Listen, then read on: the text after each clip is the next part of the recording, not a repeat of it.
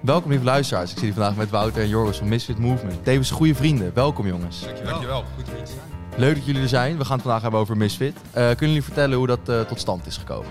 Ja, zeker. De- Tweeënhalf jaar geleden ongeveer. Eh, corona was er natuurlijk nog. Eh, en er was gewoon echt niks te doen. We verveelden ons.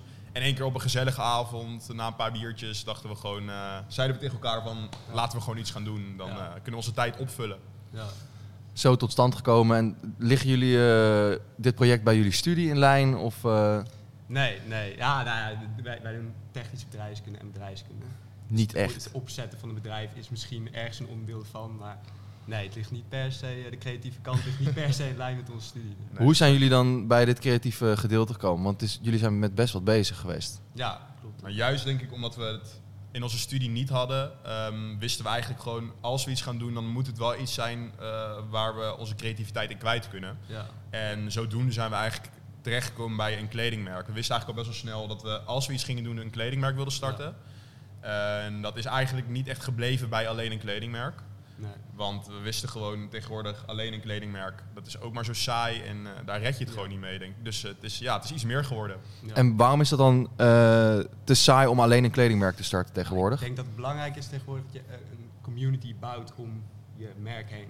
Dus alleen kleding verkopen, ja, dat is gewoon een beetje achterhaald, denk ik. Ja. deze dagen. Ik denk dat er bijna elke dag wel drie of vier nieuwe merkjes iets proberen op te zetten. Ja. En dan eh 100 witte shirts inkopen en een leuk designtje erop zetten. Maar dat, dat is voor mij niet waar eh, een mooi kledingstuk om draait. En Nee. dat is tegenwoordig gewoon niet meer genoeg om echt een mooi product op de markt te zetten. En om echt iets van je bedrijf te maken, denk ik. ja. Kunnen jullie dan iets toelichten over de naam Misfit? Want ik zie hier achter ons hangt wel een wit shirtje met een printje erop. Maar er zit denk ik iets meer verhaal achter dan alleen... eh, Zeker. Nee, de naam Misfit, dat is wel grappig. We hebben daar heel lang over gebrainstormd. Eh, letterlijk 100 kaartjes met verschillende namen gemaakt, eh, die op tafel gelegd. En over tijdspannen van meerdere dagen hebben we eigenlijk steeds een paar kaartjes weggegooid. Tot we bij een aantal namen overbleven. Tot er een aantal namen overble- overbleven. Ehm, en dat was uiteindelijk Misfit. En dat hebben we eigenlijk ook gekozen omdat Misfit normaal een hele negatieve lading heeft. Eh, het betekent een buitenbeentje of een buitenstaander. Eh, en eigenlijk zijn wij daar niet mee eens. Want iemand die een misfit is, eh, is juist uniek in wat hij doet, of zij doet. eh, omdat hij zo anders is dan de rest. Dus hij, heeft dan, hij of zij heeft dan ook verborgen talenten. Dus juist ook omdat het heel erg een negatieve lading heeft vaak, hebben wij gekozen voor die naam. Omdat het dan ook een beetje schopt tegen de standaard. Ja. lachen. En dan dat shirtje. Waar komt dit vandaan? Want het, achter ons staat een mooi schilderij en een shirt. Ja, En jij zegt net, eh, er zijn genoeg kledingmerken die eh, een wit shirtje inkopen, een printje erop plakken en het weer verkopen. Nou, dit is gemaakt door Freudoen Rasta. Daar zijn we eigenlijk via via bijgekomen.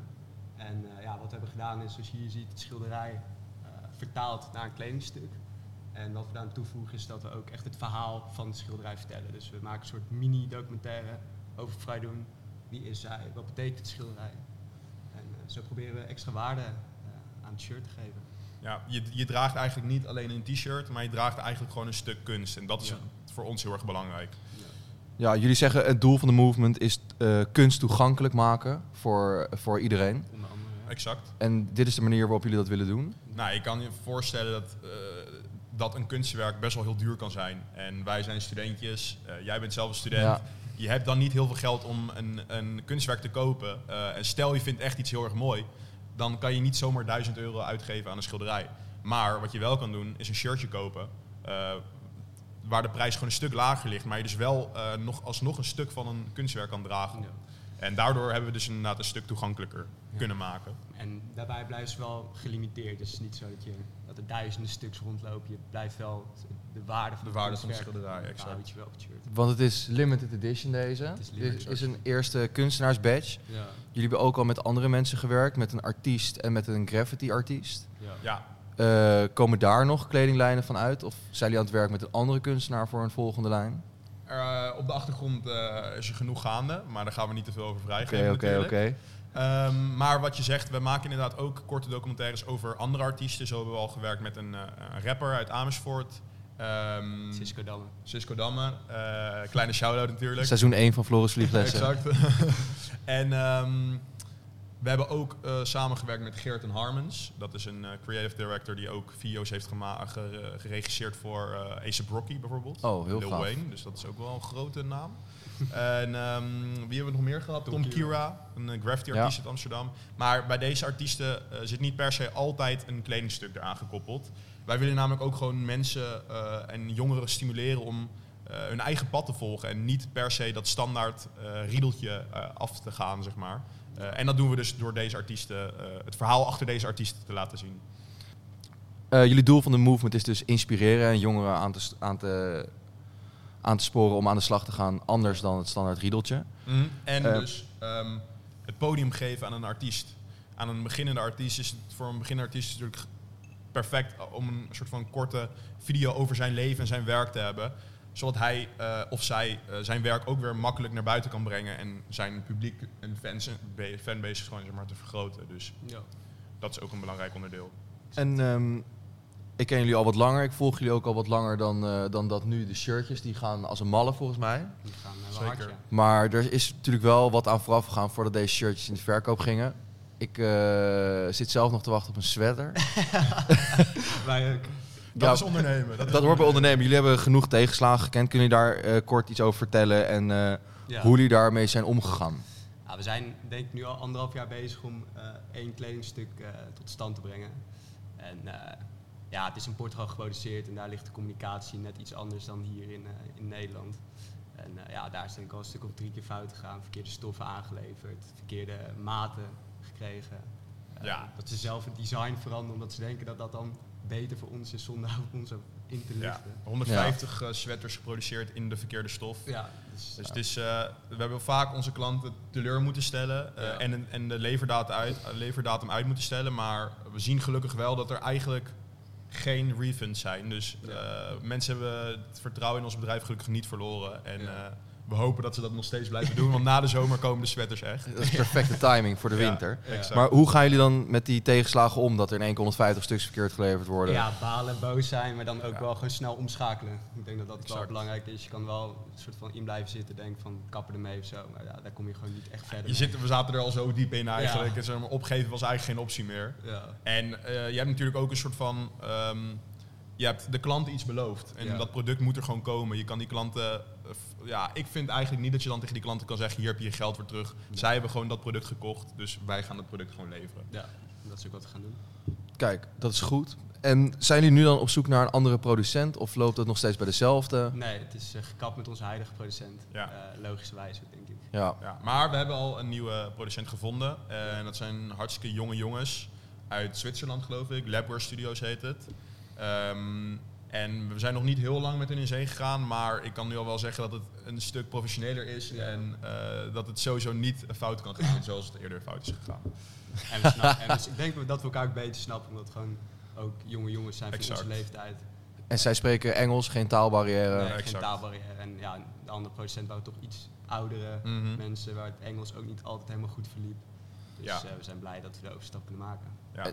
In zo'n tegenslag, je werk je met z'n tweeën. Als de, reageert de een daar dan anders op dan de ander? Dat is heel lekker denk ik, als je met z'n tweeën bent. Want ik denk dat we allebei wel periodes hebben gehad dat we gewoon solo dachten van... Poh, ik Ja. weet niet of we dit nog eh, moeten gaan doen en eh, of het nog wel zin heeft. Maar dan, Ja. je bent nooit tegelijk soort van in een down eh, of in een dal, Ja. weet je wel. Ja. De een is dan weer op het moment van, oh, we moeten echt even pushen. En de andere denkt van, oh, ik ben er wel echt klaar mee. Dus zo hou je elkaar altijd wel gewoon in balans. En zo blijf je eigenlijk altijd wel doorgaan gewoon. Ja, wat je eerder zei, je hebt ook gewoon verantwoordelijkheid naar je klanten toe.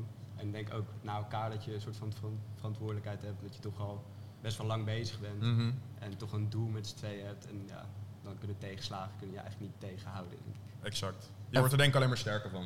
Exact. En voor de rest met z'n tweeën werken, hoe gaat dat? Want eh, er zijn twee meningen. Maar eh, hoe gaat dat eh, in de realiteit? eh? Ja, dat is wel grappig. Ik denk, we hebben wel vaak over veel dingen dezelfde mening. Ja. Maar we kunnen ook wel vaak over dingen echt totaal anders denken. Ja. Eh, Dat is maar dat is juist echt heel goed, denk ik. Ja. Want als wij alles inderdaad op dezelfde manier hadden uitgedacht en eh, in ons hoofd hadden, dan was het denk ik een heel saai merkje geweest. Ja. En nu kunnen we elkaar gewoon aanspreken op bepaalde punten en zeggen van leuk idee, maar ik denk dat het zo beter is. En daardoor ontstaan echt gewoon hele goede discussies. ja, klopt. Eh, en daarnaast moet ik ook eerlijk zeggen dat eh, het komt uit ons hoofd, het idee. Maar aan de ach- op de achtergrond zijn er heel veel mensen die ook met ons meedenken. En eh, het liefst zitten we gewoon met tien mensen samen. eh, omdat gewoon meer hoofden bij elkaar zorgt gewoon voor een betere uitkomst. Wat voor mensen zitten jullie dan mee?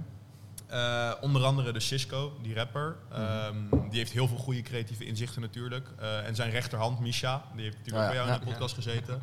Eh Ties, ja, die maakt ook zelf muziek en die is ook altijd eigenlijk op de achtergrond eh, erbij geweest. Dus, ehm, en ja, iedereen die wil helpen en die het leuk vindt, die is eigenlijk welkom. En zo gaat het eigenlijk altijd wel een beetje. En eh, jullie zitten dus nu te wachten op de volgende batch met sweaters die binnenkomt. Ja. Hoe lang moeten we daarna wachten op een volgende batch met kleding van een, waarvan jullie nog niet willen noemen, volgende artiest? Ik, Niet lang. Nee, we hopen dit jaar wel weer een nieuwe artiest uit te brengen en eh, nieuwe kleding. Dus dan- verwacht rond het einde van het jaar, eh, als alles loopt zoals we hopen dat het loopt, eh, aan het einde van het jaar een nieuwe collectie. En hoeveel oplagen wordt dat dan? Dat weten we Dat- nog dat- niet, dat maar eh, ja, aan ons, ja, van, ons kant, zeg maar, we willen sowieso niet massa produceren. Dus het, het zal echt iets van 100, 150 items zijn om die exclusiviteit dus ook te waarborgen. Is dat nu ook met eh, deze batch zo gegaan, zoveel nummers? Ja, ja, ja. Gaaf. En dan eh, wil ik eigenlijk even nog wat meer hebben over jullie als persoonlijkheden. Want we hebben het over de onderneming gehad, maar ik wil het ook over de ondernemers hebben. Jullie zijn eh, verschillen qua persoonlijkheid best wel wat. Ja. Ik ken jullie iets langer. Jij bent iets rustiger en introverter, jij bent wat drukker en extroverter. Ja, klopt. Ehm, we net, jullie vullen elkaar goed aan. Ja. Maar hoe, hoe zijn jullie tot deze samenwerking gekomen? Ja, wat we al zeiden, het was, eh, het was Ja. volgens mij oud en nieuw en we hadden een paar drankjes op. En ja, we stonden een beetje hetzelfde in. Het was niet van, oh jij bent introvert en ik ben extravert, Nee. dus dat zou een goede match zijn. Het, ja, het was gewoon toevallig van, laten Ja. we gewoon iets doen. Ja. En uiteindelijk bleek het gewoon heel- een goede match te zijn. Dus Ja. Zit dat er van jongs af aan in al? Dat, onder dat ondernemende aspect om iets er, eh, erbij te doen? Ja, van mijn kant niet echt. Ik denk niet dat ik een soort van geboren ondernemer ben, als je het zo kan noemen. Maar ik heb wel altijd iets gehad, ik wil wel iets voor mezelf ja. hebben, iets zelf creëren. Ik denk dat het voor mij iets meer waarde heeft dan een soort urenmachine worden ergens in een grote corporatie. Ja, jij hebt altijd wel gewoon, ik wil niet het standaard pad volgen. Ja. Ja. dat heb ik ook zelf wel gehad. Allebei creatieve jongens. Ja, bij mij zat dit ondernemen wel een beetje in het bloed. Mijn vader is ook ondernemer.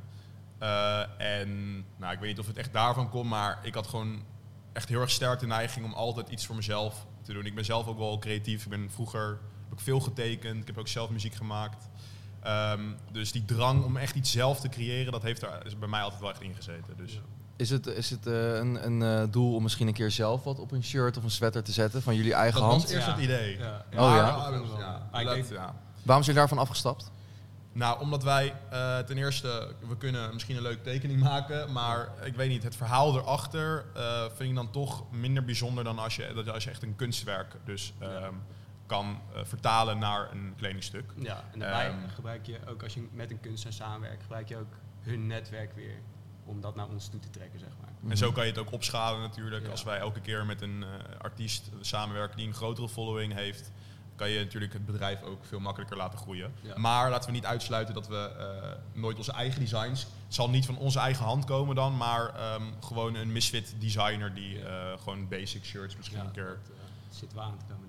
Maar geen massaproductie. Geen massaproductie. Geen massaproductie. Is, eh, is tot nu toe eh, dus de kleding een financieel middel om het platform eh, in stand te houden? Ja, Of is het- 100%, Ja. alles. Het was eerst eh stufie, stufie, stufie.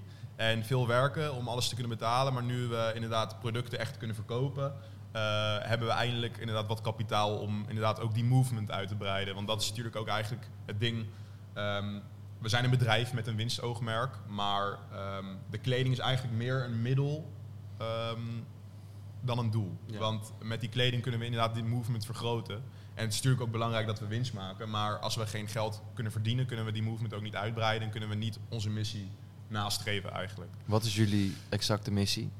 Nou, die movement, eh, wat we al zeiden, is gewoon eh, jonge mensen stimuleren om dus ook gewoon hun eigen pad te volgen. En eh, daarnaast ook artiesten de kans geven, de jonge beginnende artiesten de kans Ja. geven om eh, hun netwerk uit te breiden en om zichzelf ook te ontplooien en de buitenwereld te laten zien wat ze allemaal in huis hebben.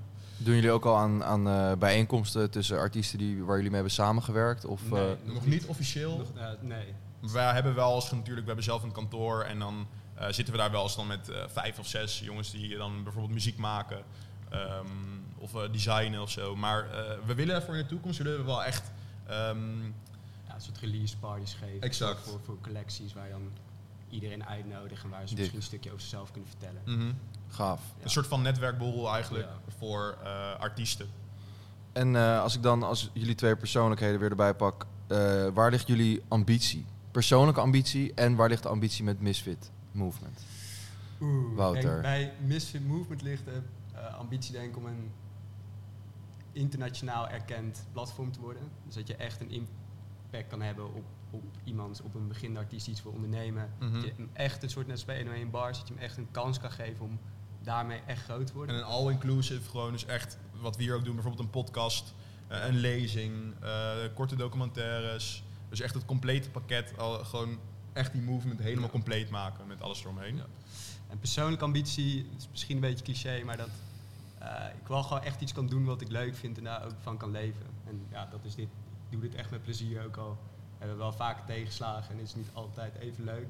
Maar ik haal hier wel echt energie uit. En dit Ja. heeft echt waarde voor mij. Dus ja, dat is mijn Voor mij persoonlijk ook, Ja. absoluut. Ook zelfde persoonlijke ambitie. Ja, ja, ja, zeker. En wat zou nog een, eh, een collab zijn voor jullie om eh, een droomcollab? Ja, Patta voor mij wel. Altijd Ja, al geweest. en, ook. en als we even kijken naar een lagere drempel, zeg ik eh by Reben. Die zit Ja? in het seizoen natuurlijk. Eh, en dan zou je denken, Gip. en dan denk je eh, een, eh, een drankmerk met een, eh, een kledingmerk, hoe wil je dat dan doen? Maar eh, we hebben wel een paar, le- paar leuke ideeën, dus dat komt wel goed. Dat gaan jullie misschien wel zien in de nabije toekomst.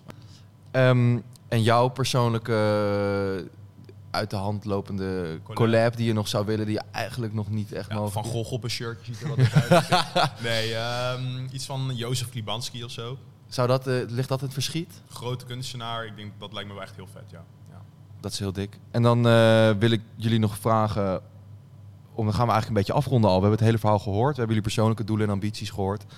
Hebben jullie misschien nog. eh, ik, ik heb nog een vraag van de vorige gast, Gerben. Ja.